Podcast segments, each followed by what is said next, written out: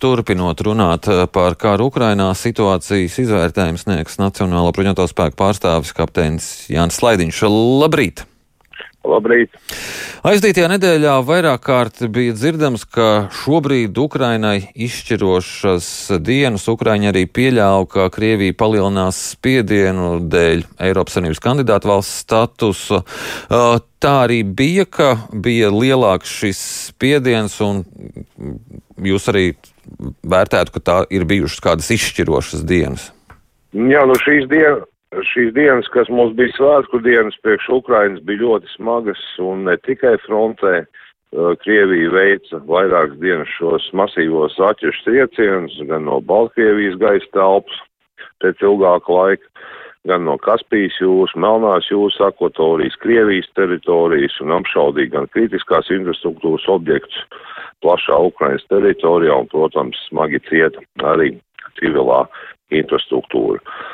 Tāpat Ukraiņu bruņoto spēku vienības bija spiestas atstāt šo Severodonetskas pilsētu un atkāpties uz izdevīgākām pozīcijām, lai nenonāktu aplankumā uz Lisičansku. Protams, šīs pilsētas zaudējums nešķirs kara likteni, bet tomēr uzskatāms par Krievijas bruņoto spēku tādu taktisku panākumu. Un ir pilnīgi skaidri redzami tuvākie šie Krievijas bruņoto spēku plāni, ja salīdzina šo Krievijas uh, bruņoto spēku kampaņas sākumu, tad, protams, tā ir samazinājuši šo savu apetītu un redzam, ka smaguma punkts ir un paliek Doņetskas un Luhanskas uh, administratīvo rajonu robežu. Un tieši kauja par Donbasu, Donbasu Krievija sakoncentrējas viss apmēram 70% no saviem spēkiem ar lielu artilērijas daudzumu, aviāciju un dzīvo spēku. Turklāt, protams, Krievijas bruņoties spēki dara visu, lai saistītu Ukrainas spēkus citās frontēs un nepieļautu pārdislocēt rezervis. Un tieši līdz šī Čanskai ir jābūt tuvākā laikā par šo kauju centru, pa smagumu punktu.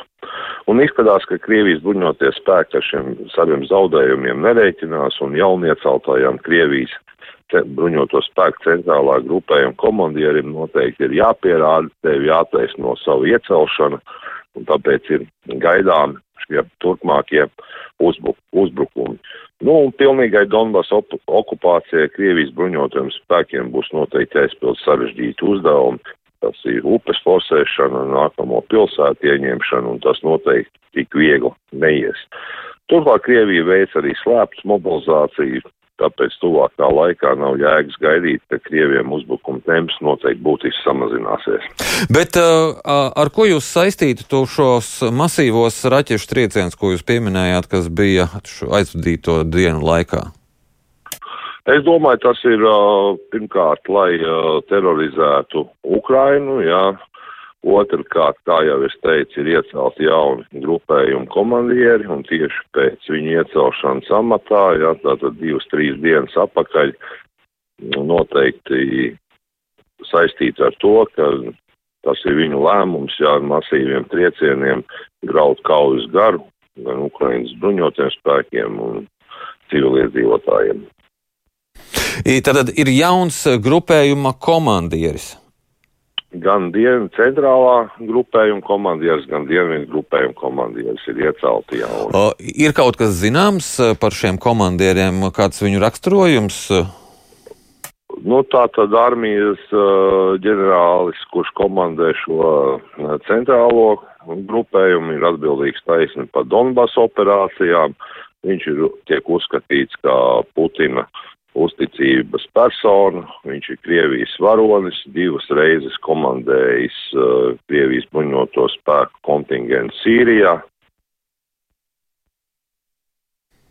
Uh, halo? Jā. Uh, ah, man likās, ka jūs pazudāt. Uh, Jūs pieminējāt arī to, ka raķešu trieciens ir notikušas arī no Baltkrievijas eh, puses. Kā vērtējam šobrīd situāciju ap Baltkrieviju un nerimstošās runas par to, ka Baltkrievija uzbruks, neuzbruks? Jā, nu mēs redzam, ka uh, atkal ir parādījusies pēc kāda laika tātad Baltkrievijas vārds, ja, kurš iepriekš bija tā kā nedaudz pieklus. Redzam, ka uh, Krievija tur koncentrē spēkus, izmanto lidlaukus militāros, un veic aktīvas mācības kopā ar Krievijas spēkiem. Tātad konkrēti tur ir dislocēti Krievijas speciālo uzdevumu spēki, kuri kopā ar Baltkrievijas speciālajiem spēkiem veic šīs mācības. Un, uh, protams, tas rada draudu, tas saista Ukrainas spēkus. Protams, var runāt, ka uh, pilnu mērogu iebrukums uzreiz nevar notikt, jo tur ir jābūt vairākam šim spēku kon koncentrācijai, bet Ukraiņi uzskata, ka Krievi gatavo diversantu izlūku vienības darbībai Ukraiņas teritorijā no Baltkrievijas puses. Uh, bet uh, no kā tas ir atkarīgs? Būs vai nebūs uh, iebrukums no Baltkrievijas puses? Es domāju, ka Putins darīs visu, lai iesaistītu Baltkrieviju uzbrukumā, ja, jo redzam, ka šie Krievijas lielie zaudējumi gan tehnikas ziņā, gan karavīru ziņā un, protams, otrās frontes atvēršana no Baltkrievijas puses, protams, būtu ļoti liels izaicinājums Ukrainas spēkiem. Bet, uh, lai veiktu šo iebrukumu, ar tiem spēkiem, kas atrodas tur, ir nepietiekoši. Un zinot, ka Baltkrievijas bruņotie spēki nu, nav gatavi uz šādām operācijām, viņiem trūks pieredzes, un zinot arī kāda situācija iekšā Baltkrievijā, ka visticamāk tas nav gaidāms. Bet tomēr viņi ar šādām darbībām galvenokārt saist Ukrainas spēkus, kuriem jātur ir pietiekami daudz, iepretim Baltkrievijai, lai nosargātu šo teritoriju. Vēl par draudiem Lietuvai. Pēc tam, kad Lietuva slēdza tranzītu uz Kaļiņgradu, sankcijām pakļautās preces neļauj vest, Krievijas televīzijā izskan atklāti draudi par iebrukumu. Kā jūs to vērtējat?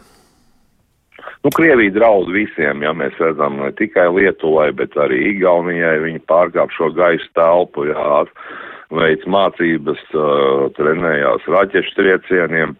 Nu, viņai kaut kas ir jādara Krievijai, teiksim, atbildot uz šādiem, šādiem pasākumiem, bet redzam, ka viņi nespēja izpildīt savus uzdevumus Ukrainā, jā, un šobrīd ir maz ticams, ka viņi varētu spē, veikt kaut kādas militāras darbības pret Lietuvu vai Baltijas valstīm, jā, kuras ir NATO, NATO dalību valsts. Jā. Es domāju, tas tāds Krievijas uh, vizītkārte, viņi visu laiku draud, draud, draud, bet, nu, reāli arī iepriekš nekas nav bijis, mm -hmm. nekādas pretdarbības no viņa puses. Jā, jā, liels paldies uh, jums par šo sarunu. Atgādinu, ka mēs sazinājāmies ar Nacionālo bruņoto spēku pārstāvi kapteini Jānis Laidiņu.